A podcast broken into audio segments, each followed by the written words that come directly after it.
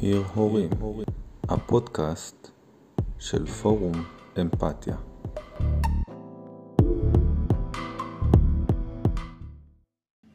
אז אה, ברוכים הבאים לפרק הרביעי בפודקאסט אה, הרהורים, הפודקאסט של פורום אמפתיה.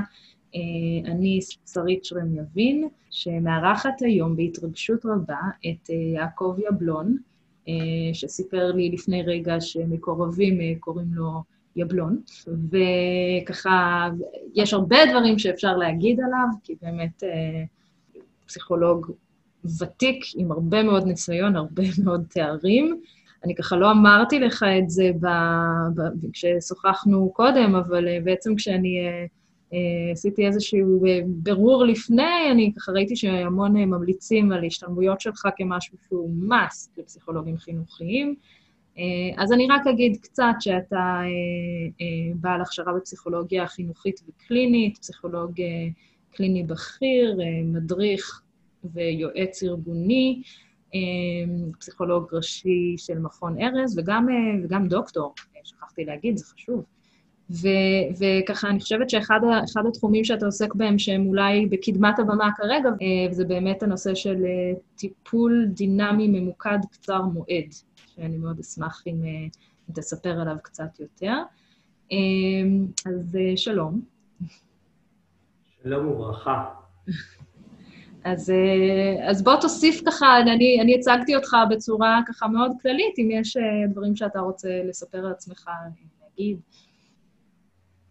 אה, כן, ננסה להגיד כמה דברים באמת עקרוניים שמתחברים לאינפורמציה שאת הבאת כרגע. אז כן, אני, אני, אני בעיקרון, אני פסיכולוג קליני, שאני עובד בגישה דינמית. חלק באמת אה, משלוחותיי לאורך השנים, אני בסופו של דבר, אה, המקור שלי הוא אה, בתחנה קלינית של עליית הנוער, ואוכלוסיית היעד היא מראש מסגרות חינוכיות. אז, ועדיין עם חשיבה דינמית, אז כן, אז זה לקח אותי לעשות כל מיני חיבורים של התחום החינוכי והקליני, והארגוני, כשבאמת הגישה המרכזית אה, היא גישה אה, דינמית. ולאורך השנים, אה, ככה רכיב מאוד משמעותי שנכנס לתוך ההכשרה שלי, זה החלק של עבודה עם חשיבה ממוקדת יותר, וצריך אולי להגיד ממוקדת וגם קצרת מועד. כי יש ממוקדת שהיא לא קצרת מועד, אז, mm. אז אה, זה משהו ברצף הזה. אה, כן, ברוב עוונותיי אני גם אה, משמש היום כחבר הנהלה של האגודה הישראלית לפסיכותרפיה ממוקדת. אז אני נמצא גם בתוך הטווח הזה, ועם ה... איכשהו עם השפה הזאת, עם ההסתכלות הזאת, אני מסתובב ברחבי הקליניקה למיניה, למיניה. Mm-hmm. זאת אומרת, גם בחדר הטיפולים, גם מחוץ לחדר הטיפולים, גם בחשיבה יותר ארגונית מערכתית בגישה הזאת. אז כן, אני בא משם. אז באמת אה, הדגשה חשובה, החיבור בין הדינמיות לקצר והממוקד, ו- וגם אה, דינמית, התכוונתי כמובן חשיבה דינמית, אה, והנגיעה למערכות חינוך. אולי אני אבקש ממך ככה, באמת, אנחנו הרי התכנסנו כאן כדי לדבר על התחום אה, הרחב מאוד של טיפול בהורות, אה, ואולי ככה, איך, איך הגעת לתחום הזה? כן, כנראה שדרכים רבות הובילו אותי לתחום הזה, אבל חלק מהעניין, דרך אגב, קשור להיסטוריה שכרגע אמרתי. מראשית דרכי המקצועית אני נמצא אה, בעבודה עם ילדים ונוער, אה, שם היה הבסיס של ההתחלה שלי, וקשה לדבר על ילדים ונוער בלי לדבר על הורים. Hmm. למרות שדרך אגב, אה, מה שאולי מעניין זה שדווקא אני, אני מקווה ומניח שהיום זה השתנה, אבל עבודה בעליית הנוער, גם בהיסטוריה של עליית הנוער, וגם אבל בפנימיות למיניהם של עליית הנוער, זה בעצם ילדים שנמצאים שם ללא ההורים. Mm-hmm. ואני חייב להגיד שלאורך שנים, אחד הדברים שהפריעו לי שם זה היעדר ההורים. כאילו מוסרים את הילד ואין הורים, ואתה מנהל את חיי הילד, ואיפה ההורים?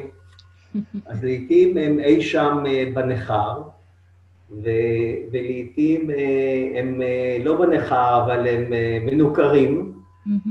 ולפעמים ממש לא. והמקום של ההורים כבר אז היה, ככה גירד לי באיזשהו מקום, שדרך אגב, התזה שלי ב-MA הייתה משהו שמחובר לנושא הזה בעצם. Mm. זה היה איך לקשור ילדים בפנימייה עם הורים. אז, דרך אגב, אני, מפאת גילי, אז לא היה טלפונים, היה או אסימונים או מכתבים. Uh-huh. אז המחקר שלי היה על, על יצירת הקשר עם ההורים ואיך זה תורם להסתגלות של הילדים בפנימיות. וואו. והתוצאות היו מאוד מרשימות. Mm-hmm. אז כן, אז ההורים מסתובבים שם כאיזה מרחפים אה, מעליי כל הזמן, mm-hmm. אבל, אה, אבל כמובן, ככל שעבר הזמן והעבודה עם ילדים, זה, זה היה מוזר לא לחשוב על ההורים ולא להתחיל לעבוד איתם. Mm-hmm. מה גם, מה גם שהשפעתם הרבה של ההורים, בעיקר ככל שילד קטן יותר, כל כך דרמטית, אמ, ו- וכל שינוי קטן גורם לתזוזות נורא משמעותיות, ולפעמים, דרך אגב, זה ממש מטריף את הדעת איך ההורה לא מסוגל לעשות שינויים קטנים, mm. למרות שהוא מבין ויודע, אז ההתעסקות עם זה הלכה ותפחה לה אה, לאורך השנים. Mm-hmm. ואפרופו מה שהזכרתי קודם, כל הנושא של אה, אה, טיפול דינמי ממוקד, אז by definition עכשיו, כשאנחנו רואים הורים, הורות. ההתמקדות בהורה הופכת לעוד יותר מודגשת. Mm-hmm. אז איכשהו ככה הדברים התחברו להם, התגלגלו להם. Mm-hmm. אני מניח שלעצם היותי הורה, והיום כבר סבא, לא רק הורה, mm-hmm. יש גם איזשהו משקל בקטע הזה. Mm-hmm. בכלל, אני חושב שאנחנו צריכים להיות ערים לזה שלמטפלים יש פונקציה הורית. Mm-hmm. לעתים חלק, אפרופו הפונקציה ההורית של המטפל, נזכר פתאום, יש איזשהו מאמר של...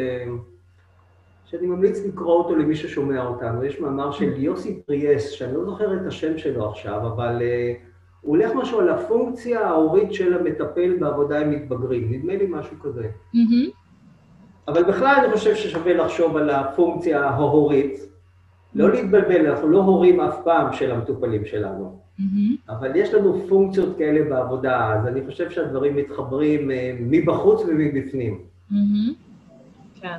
אז אולי ככה, בגלל שהזכרת את אה, היותך אה, הורה גם אה, מחוץ לקליניקה, אז אולי אתה יכול להגיד כמה מילים על איך, איך איזה השפעות יש לזה, גם להורות לילדים האישיים שלך על הקליניקה, וגם להפך, על העבודה כמטפל על ההורות. תראי, אחד הדברים, אפרופו איזה השפעה יש לי על ההורות ועל העבודה המקצועית שלי, mm-hmm. אז uh, בתי הצעירה היא uh, פסיכולוגית קלינית, דוקטור uh, שעוסקת בתחום, אז mm-hmm. אפשר לדבר על, ה, על החיבורים וההשפעות מכל הכיוונים עכשיו. כן. להעברה בין-דורית של הטראומה. בבקשה? העברה בין-דורית של הטראומה. כן, בתקווה שזה משתפר מדור לדור ולא נשאר עם, ה, עם הפאקים שיש לנו. כן. אבל, אה, אבל כן, אני חושב ש... את יודעת, אני פתאום... נדמה לי שזה היה uh, סירלס שדיבר על זה שאנשי הטיפול מגיעים לטיפול כי הם רוצים, uh, בדמויות המופנמות שלהם, הם רוצים לתקן את ההורות ואת ההורים שהיו להם. Mm. אז, אז אה, לא יודע, כנראה שאני רוצה לתקן משהו אה, לאורך השנים, mm-hmm. בתקווה ש... בתקווה למשל שאני בתור סבא, החלק ההורי שלי הרבה יותר משופר ממה שראיתי כהורה, Mm-hmm. hopefully, אז יש תקווה, אנחנו משתפרים. מהמם. כן. אז רק כדי לחדד את המתכו... הציטוט הזה, אה, הכוונה שלו זה שאנשי אנשי המקצוע בתחום הטיפול מגיעים להיות מטפלים כדי כן. לשפר את... כן, כן, כן. אה, מעניין. זה אפרופו משהו של התיקון שלהם. כן, כן.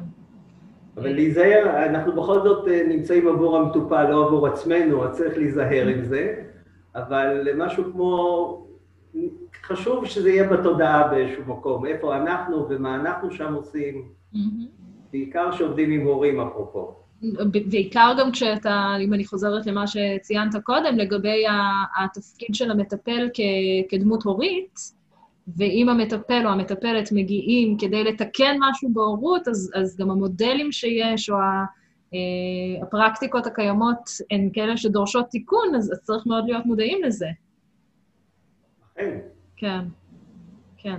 אני אני חושב שזה זה נושא מרתק בפני עצמו, שדרך אגב אה, צריך להיות ער למשל לידידנו, אבינו, מורנו, רבנו, מושיענו, ויניקוט. כן. אה, אה, בכלל, הרבה מהפרדיגמה של העבודה שלו מחברת את, ה, את המרחב הטיפולי להרבה מקבילות לדינמיקה שיש בין הורה וילד. מהמם.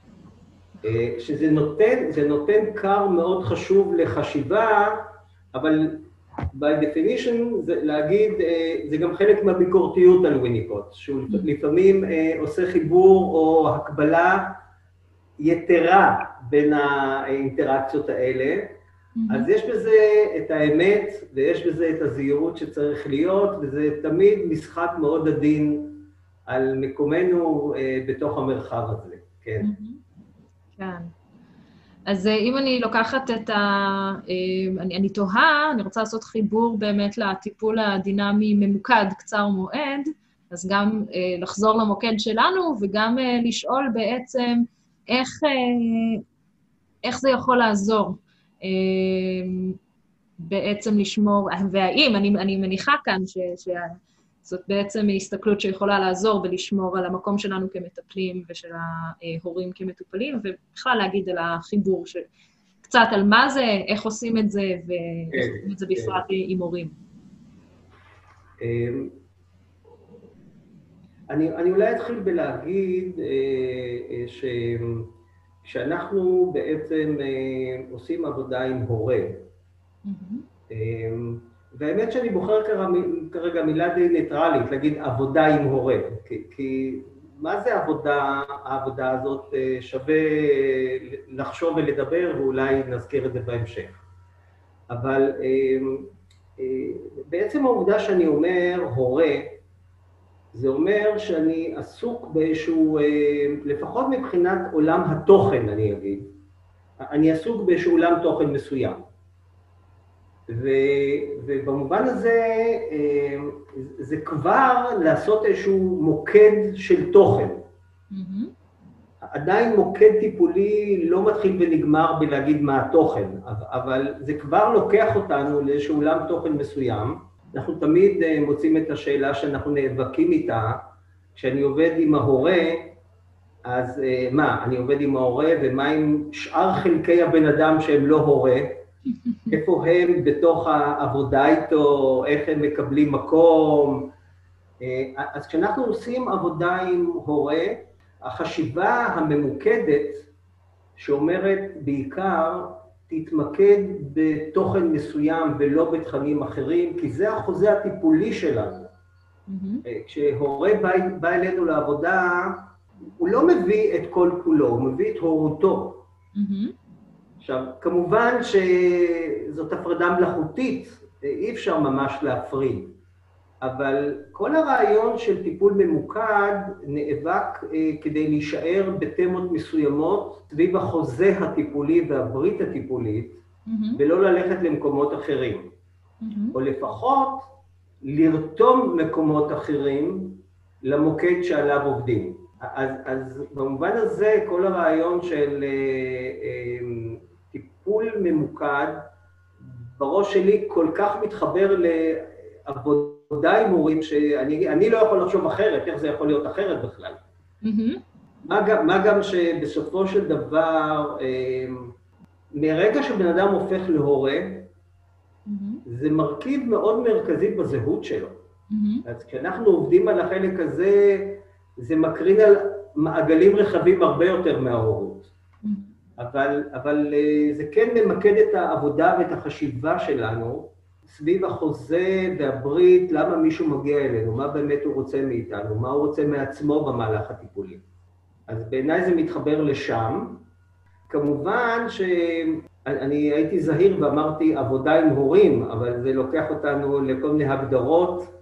אני אקצין לרגע משהו באמירה שלי, בסדר? כי, כי יש לנו, אנחנו רגילים למילה הדרכת הורים, שאני מאוד לא אוהב אותה דרך אגב.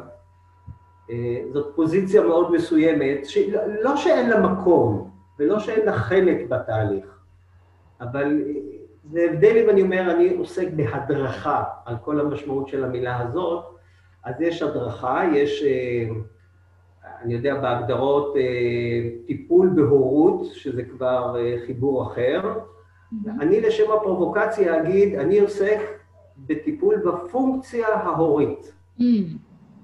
זה, עכשיו, כמובן שזה נשמע לרגע טכני, מה הפונקציה, מה העניין?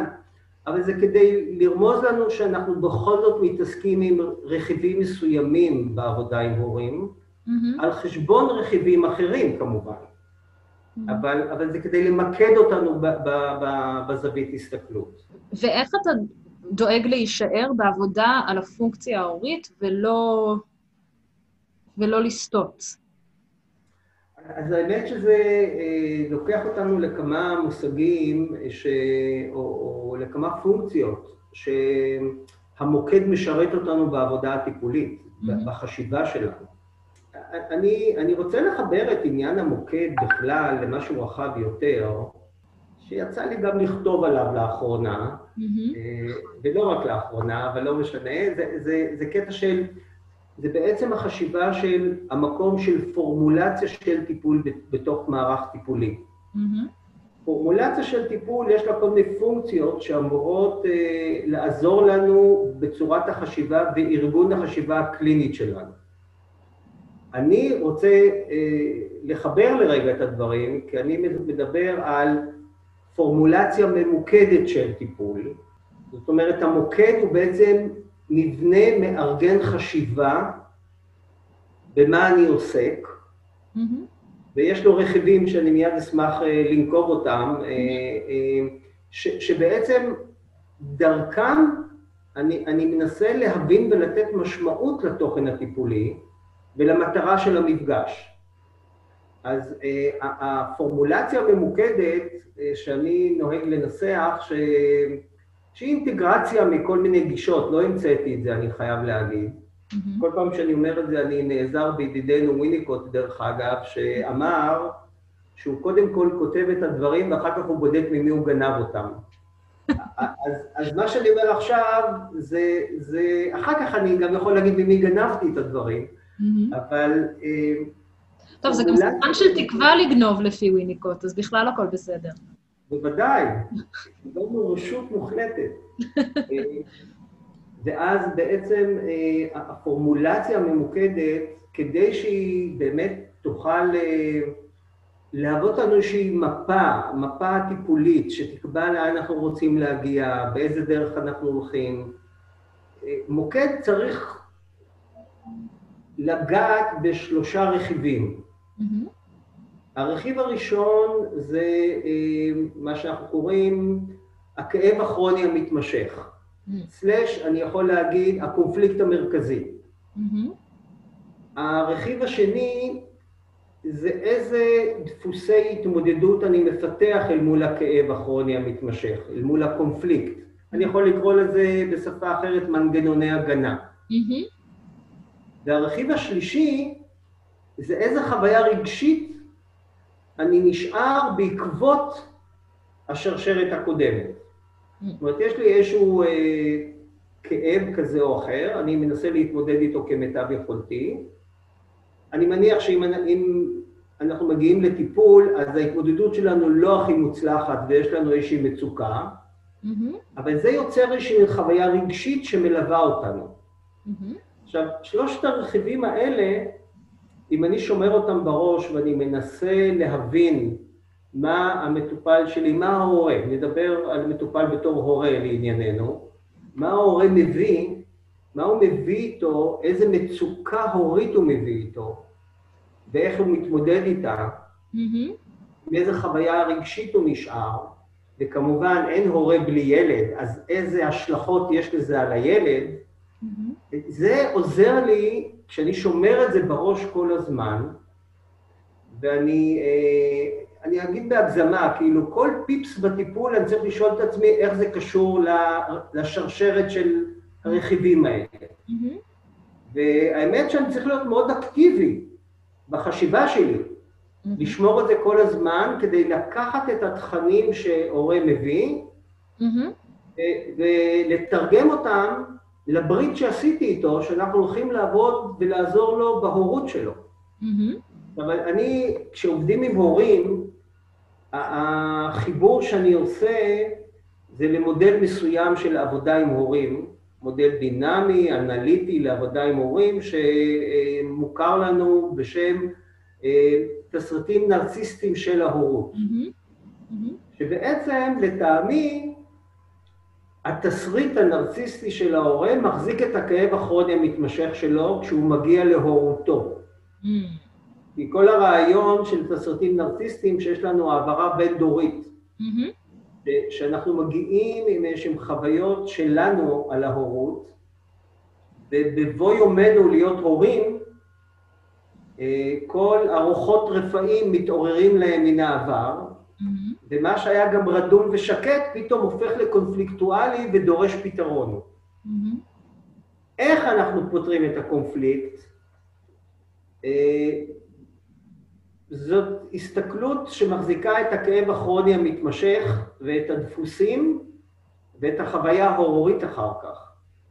מהמם, והרבה פעמים מבחינתי בסופו של דבר עבודה עם הורים זה על הציר הזה, מכיוון שכל הרעיון הדינמי, האנליטי, תסריטים ומוקד טיפולי, כל האינטגרציה הזאת בסופו של דבר, היא אומרת שאנחנו, כשאני עובד עם מורה, אני צריך לבדוק אמ, איזה השלכות מעולמו הפנימי מהמם, הוא עושה על ההורות שלו ועל דפוס ההורות שלו עם הילד, מהמם, כדי לבדוק שבעצם הוא לא פותר את הבעיה שלו, אבל לא את של הילד. כי, כי הרבה פעמים הנפילה שלנו, מהמם, שאנחנו מקבעים את עמדתנו ההורית כדי לפתור משהו פנימי שלנו. מהמם, ואז בעצם, בהקצנה אני אגיד, אני אומר את זה, זה בהקצנה, אני לא רואה את הילד, הילד הופך לאובייקט שלי לפתרון בעיות. כן, ואני אני צריך להגיד, הורה שפועל גם לעיתים בצורה מאוד בעייתית, לא עושה את זה ממקום רע. אני, אני לא חושד שהורים עושים את זה ממקום רע, הם עושים את זה עם כל הרצון לתקן משהו, כי בשבילם זאת עמדה נכונה לתיקון. מהמם, רק הם מפספסים שזה תיקון שלהם ולא תיקון של הילד. מהמם, ואז הם כופים משהו על הילד, והרבה פעמים העבודה עם הורה זה לעזור לו, מה שנקרא בסלנג הזה, לקחת, לזהות קודם כל, אבל לקחת בחזרה את ההשלכות שלו, מהמם, ולעשות נפרדות חשובה בינו לבין הילד, כי אז הילד הוא סובייקט והוא לא אובייקט, ומשהו משתנה במערך של הדינמיקה בין ילד והורה. מהמם, אבל את זה צריך לשמור כל הזמן בראש בצורה אקטיבית, וזה בעצם המוקד שהזכרתי אותו קודם. מהמם, אבל אה, אני אגיד, הדרכה, הדרכה בעצם, אה, זה אומר, אה, מגיע הורה למומחה, שיש לו את הידע, המומחה מדריך אותו מה לעשות, נותן לו, אה, אה, נותן לו הוראות תפעול. עכשיו, אם, אם להורה אין מודעות פסיכולוגית גבוהה, זה הופך למשהו טכני מדי. והאמת, הרבה פעמים אני פוגש הורים שאם אני שואל אותם, טוב, בוא, בוא תגיד לי מה הבעיה, הוא יודע להגיד מה הבעיה, אני אומר לו, איך פותרים אותה? הוא יודע להגיד גם איך פותרים אותה, רק הוא אומר לי, ולמרות שאני יודע, אני לא מצליח לעשות את זה. כן. ואז הדרכה בפני עצמה, היא לא תוציא את הבן אדם מהחסימות שיש לו שם, והחסימות קשורות לכל מה שאמרתי קודם. כן. אז, אז, אז אני אגיד לאחוז קטן לטעמי, רק הדרכה זה דבר יעיל. התנסותי אומרת שזה באמת, אנחנו צריכים לשלב דברים אה, עמוקים יותר מאשר רק הדרכה, וזה לא סותר אחד את השני, אנחנו יכולים לשלב אותם וחשוב שנהיה ערים לזה. אחרת, אה, אני הרבה פעמים יכול למצוא הורה שעושה בדיוק מה שהדרכנו אותו. אבל הוא עושה את זה כל כך בדיוק, שהוא מוציא את הטעם מכל העמדה שלו, והופך את זה למשהו טכני שמקלקל את הכל. כן. אז העמדה וההסתכלות על הנקודות שהזכרתי קודם, בעיניי מאוד חיוניות לתהליך. כן. לכן אני מעדיף להגיד טיפול בהורות ולא הדרכה. כן, או בפונקציה ההורית. ואם נלך שמה, להגיד הפונקציה ההורית כמשהו שלפחות אני יכול להגיד לי. לי זה עוזר להישאר ממוקד. כן, כן. יפה. אה, אני, אני חושבת, אם אני חוזרת אחורה עלינו כמטפלים, אז בעצם, תגיד לי אם אני ככה מבינה נכון, ו, אה, אז בעצם מה שאני מבינה זה שהמטפל אה, עסוק כל הזמן בלראות איפה ההורה פועל מתוך התסריטים שלו, ואז אנחנו בעצם רוצים לראות את ההורה כסובייקט, אה, כדי שהוא יוכל לראות את הילד כסובייקט. בדיוק כך, ממש אה, לטעמי מאוד דייקת בדברים. כן, אנחנו עסוקים, זה כמובן להגיד את זה עכשיו בהכללה, אבל אני אגיד, אה, אנחנו עסוקים בעצם לעזור להורה לעשות את הנפרדות mm-hmm. החיונית בינו לבין הילד מבחינת שני סובייקטים. Mm-hmm. זה לא אומר, דרך אגב, גם המודל הזה כשהוא מדבר, זה לא אומר שלנו כהורים אין צרכים נרציסטיים, ואנחנו לא פועלים מצורך נרציסטי עם הילדים שלנו.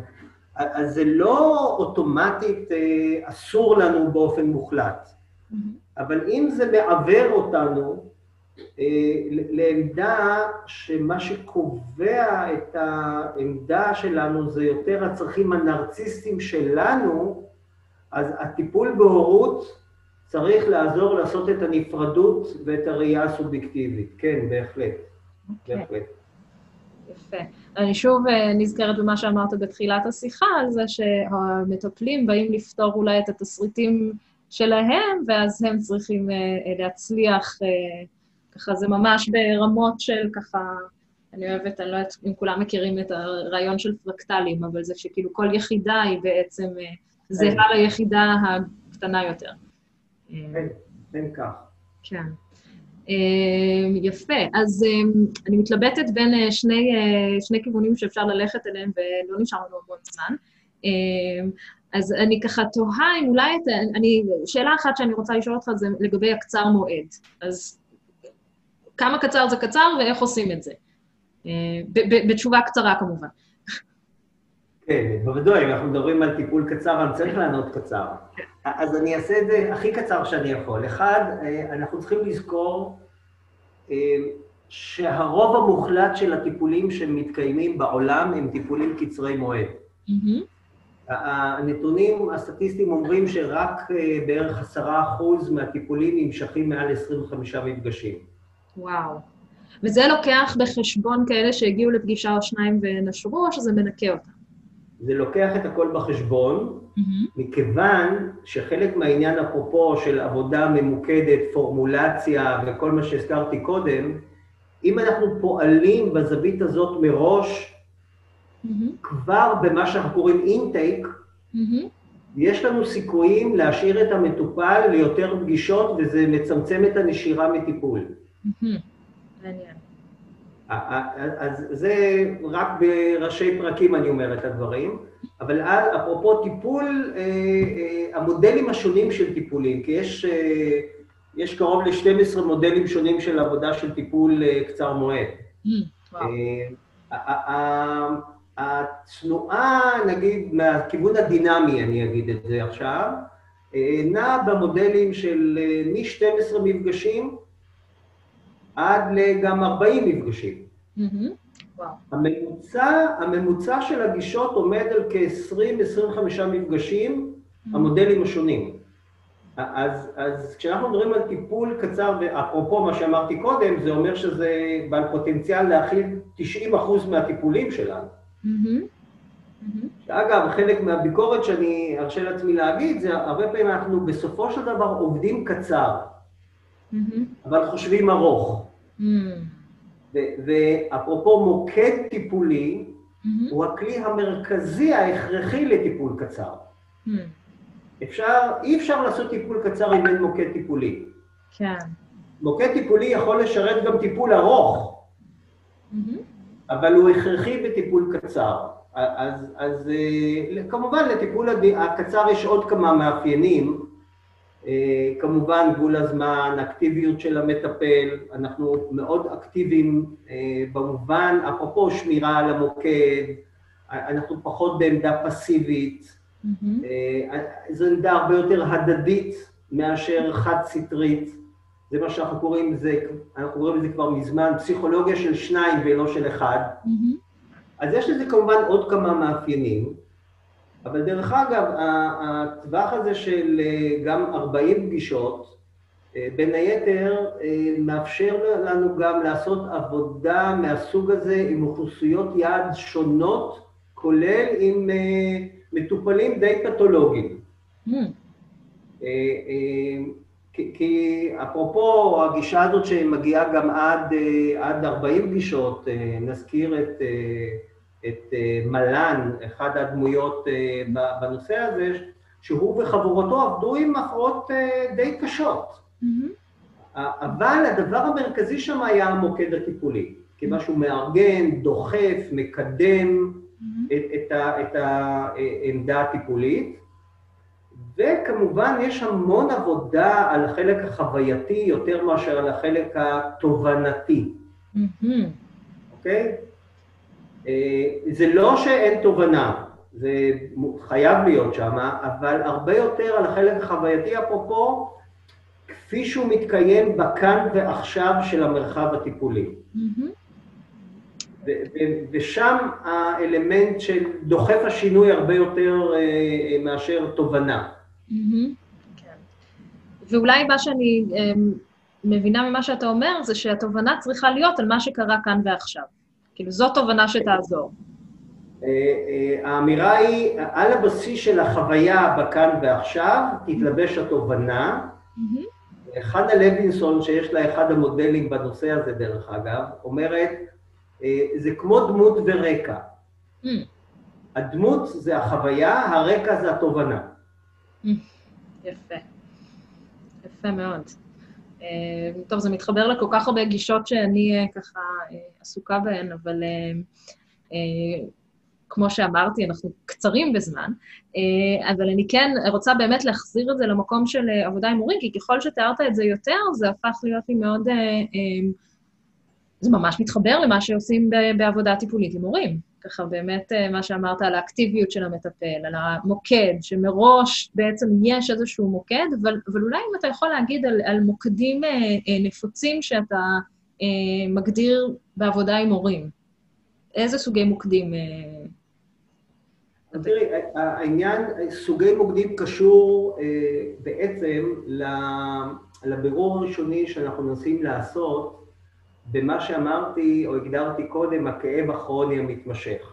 מהמם, זאת אומרת, הבירור עם הורה סביב פנייתו אה, מאוד מתמקד בשלבים הראשונים כדי לברר עם איזה עולם תוכן הוא מגיע, מה הוא רוצה לפתור. כי המוקד זה איזשהו מבנה חשיבה, הוא עוד לא אומר תוכן.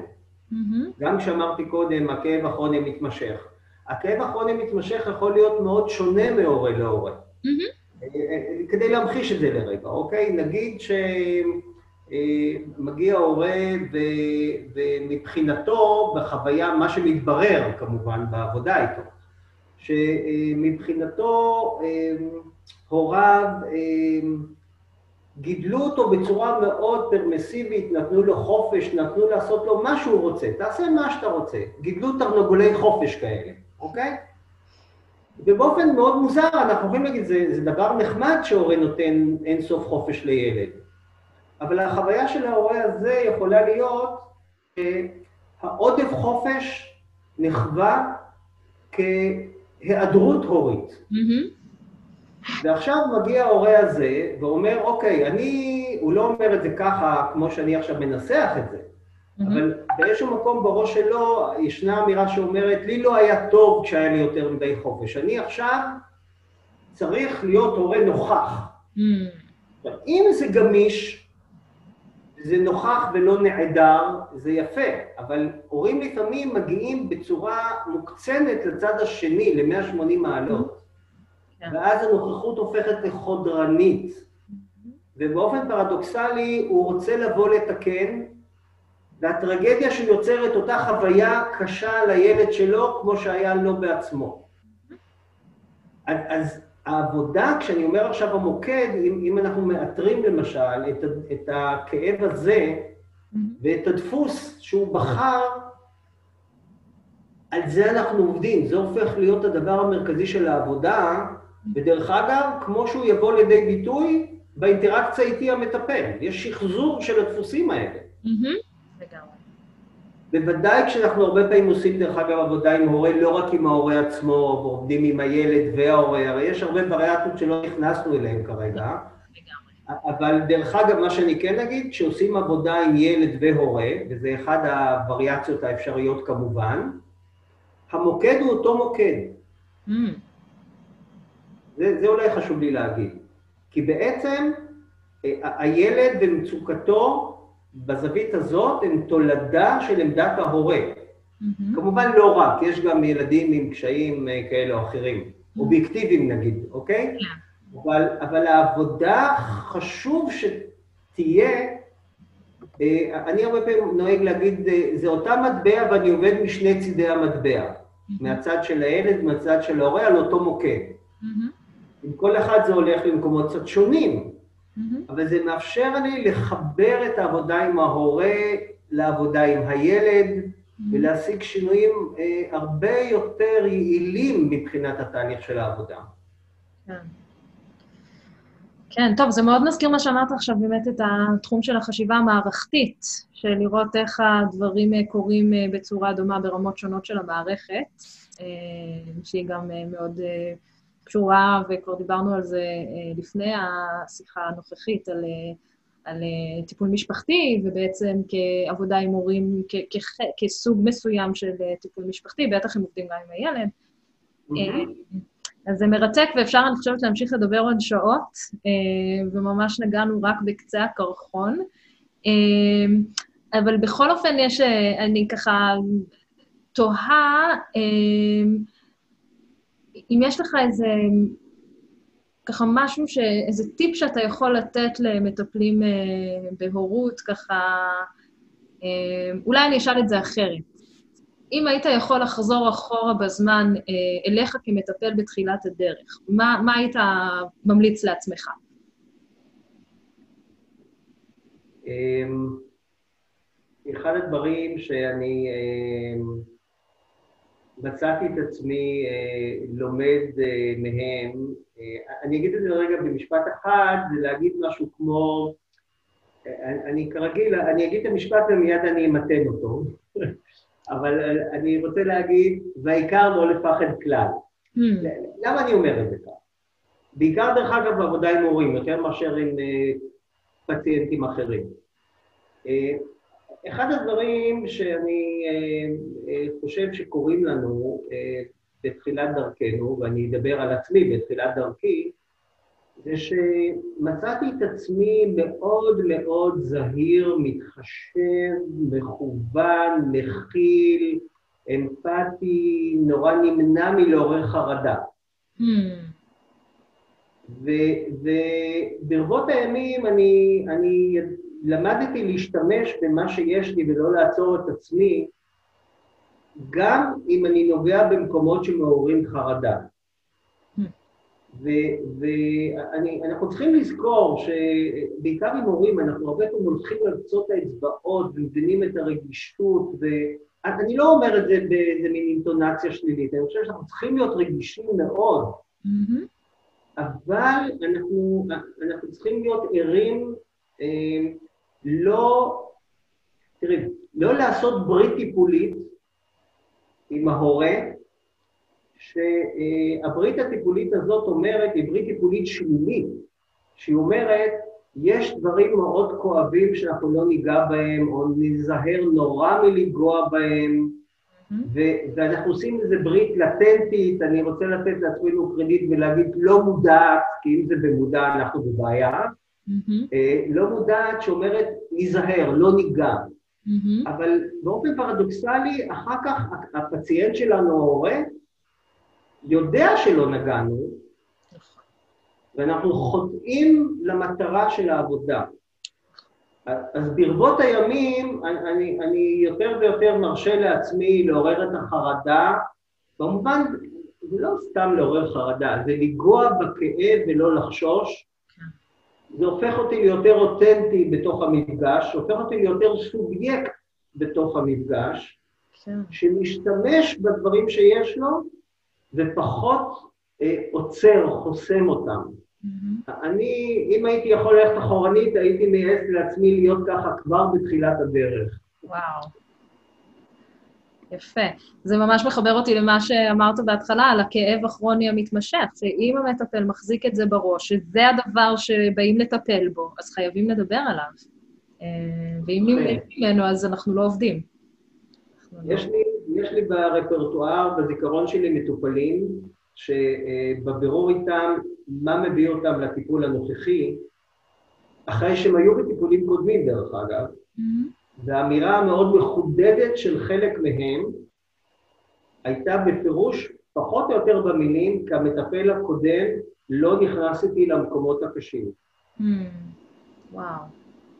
זה טיפ הכי גדול שאני יכול לקבל ממטופל. כן, וואו. זה... אני חושבת שזאת עצה אה, זהב. אה, ממש, אה, ממש חשוב, באמת, לא, לא לפחד, אה, כמו שאמרת, לא לפחד כלל. אה, או לפחד ו... לפחד במידה הראויה, כן, לא, לא אוקיי. להשתלם. להיות מודעים לפער, זה כבר הגישות שיותר, שאני אה, אה, עוסקת בהן, אבל באמת של לפחד ולעשות למרות הפחד, או לעשות בזהירות עם הפחד, או... אני ארשה, אני ארשה לעצמי לצטט את אוגדן במאמר שלו על הפגישה האנליטית הראשונה. Mm-hmm. הוא, אומר שם שאם הטיפול יסתיים בלי שהתעוררה חרדה אצל המטופל, הפגישה לא הייתה שלמה. בפגישה ראשונה, לא מדבר איתך. אה, נכון, כי זה אומר שיש ברית טיפולית שלא כוללת שינוי. נכון, נכון. הברית הטיפולית צריכה לגוע רשות, לגוע בחרדה, אחרת זה ברית טיפולית שלילית. לגמרי, יפה. טוב, אז um, שאלה אחרונה, um, ככה באמת, uh, אתה, לא, לא הזכרתי את זה בהתחלה, אבל אתה uh, מתעתד uh, להנחות uh, קבוצת עמיתים במסגרת פורום אמפתיה. Um, אז אם אתה יכול להגיד uh, קצת על הקבוצה שהולכת להיות, מה מצופה, uh, למי אתה ממליץ להצטרף, וכמה מילים על הקבוצה. כן. אמ, מכיוון שזאת אה, אה, לפחות קבוצה ראשונה שאני הולך לעשות תחת החסות של אה, אמפתיה, mm-hmm. אז אני רק יכול לתאר לעצמי איך זה יכול להיות, אבל אמ, תראה, מבחינתי הקבוצה הזאת היא קבוצה שמטרתה לפתוח שיח בין כל החברים בקבוצה, mm-hmm. על הגישות והזוויות השונות שכל אחד מגיע, כי לא כולם מגיעים עם אותה תפיסה ואותה הסתכלות, mm-hmm. אבל אני, אני באמת מאוד uh, מאמין דווקא בשיח שנוצר מגישות שונות, מהסתכלויות שונות. ומבחינתי, uh, דרך אגב, אני אגיד את זה גם על טיפול, לא רק על קבוצה מהסוג הזה, אם יתפתח שיח, או יתפתח שיח, בתוך הקבוצה הזאת של העמיתים, ויאפשר לכל אחד מהמשתתפים לבחון את uh, הדרך שהוא מסתכל על הדברים מזווית נוספת, מהמם. uh, שתחדד לו את הזווית שלו. Uh, הוא לא חייב לאמץ אותה דרך אגב, אבל, אבל תחדד לו את הזווית, ובאמת יוכל להתפתח איזשהו שיח שבוחן את דרכנו לעבוד עם הורים, דיינו, אני אהיה מאוד אה, שבע רצון אה, מה, מהחלק הזה.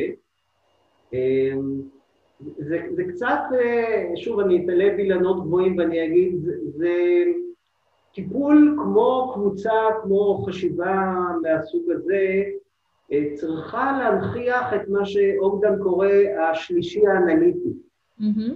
צריכה לתת זווית נוספת להסתכל על הדברים שאני כבר יודע אותם. מהמם. ככה גם בטיפול דרך אגב. כן. אם אני מצליח ליצור זווית נוספת, אני פותח איזשהו מרחב של מהמם. שינוי. אני מאוד מקווה שקבוצה אה, כזאת תוכל אה, אה, לעשות את זה, וכמובן, אה, כל מי שמתעניין אה, בעבודה עם הורים, פוגש עבודה עם הורים, לא, לא דווקא רק עובד עם הורים דרך אגב, מהמם. אני, אני בהחלט חושב שזה מחדד לנו את, ה, את העמדה והחשיבה הטיפולית שלנו, ומאוד מפרה. אז אה, אני, אני מאוד מקווה שיגיעו, יצטרפו, ונוכל לעשות שיח כזה. נהדר. נשמע מרתק. אה, אני, אני כבר, אה, כבר תוהה אם אני יכולה להצטרף. אה, נשמע ממש מרתק ומעניין, וככה באמת גם מאוד מאוד מחובר אה, לתפיסה הטיפולית ש, שאתה הצגת כאן. שבאמת לעורר את ההתבוננות של המטפל, אולי כדי שהוא אה, יוכל פחות לפעול מתוך התסריטים הנרקסיסטיים, גם מול המטופלים שפוגשים. ממש. יודעת מה, אני, אני ארשה לעצמי לצטט לרגע שוב את ביון, אני, אני לא זוכר את הציטוט המדויק, אני מקווה שאני לא טועה בו, אבל זה פתאום מתחבר לי, אפרופו המשפטים האחרונים שלנו כאן. ביון אומר באיזשהו מקום, אה, פחות או יותר במילים שהדרך שהוא עוסק בטיפול, אה, הוא אומר, אין לה חשיבות לאף אחד חוץ ממני. אבל מה שחשוב זה שאולי יכולה לתת לצד השני אה, איזשהו מושג לדרך שבה הוא עובד. Hmm. לעורר את הזווית הנוספת, המסתכלת דרך העיניים של מישהו אחר, איך אני עושה את העבודה, מה, מה הדרך שלי, איך זה מאתגר אותי. אני, אני מאוד מקווה שקבוצה כזאת תוכל להחזיק את המשימה שכרגע אמרתי, היא מכובדת מאוד. יפה מאוד. אה, אז צריך לעורר קצת חרדה כדי שיהיה אפשר להתקדם. ו... אני כולי מלא, מלא התרגשות ומלא חרדה לקראת קבוצה כזאת, שלא יהיה אי הבנות. מעולה, יופי. אז, אז כבר המקום טוב. אה, מעולה. אז, אה, אז אני אגיד לך תודה רבה, אה, דוקטור יעקב יבלון, אה, שהולך להנחות קבוצה במסגרת פורום אמפתיה, וגם אה, שנה טובה. יהיה ממש אה, פתיחה מעניינת לשנה לא פשוטה שצפויה לנו. אחלה, שנה טובה, ואני, זו הזדמנות להגיד שאני שמח להצטרף לפורום אמפתיה ולעבודה המאוד אה, פורייה שאני קולט שנעשית. מהמם. אה, ואני שמח, שמח ושמחתי על ההצעה להצטרף אה, ברצון רב, ואני אני מאוד שמח על קיומו של הפורום ולהיות חלק ממנו. מעולה, יופי, נהדר. אז תודה רבה. אחלה, שנה טובה. שנה טובה.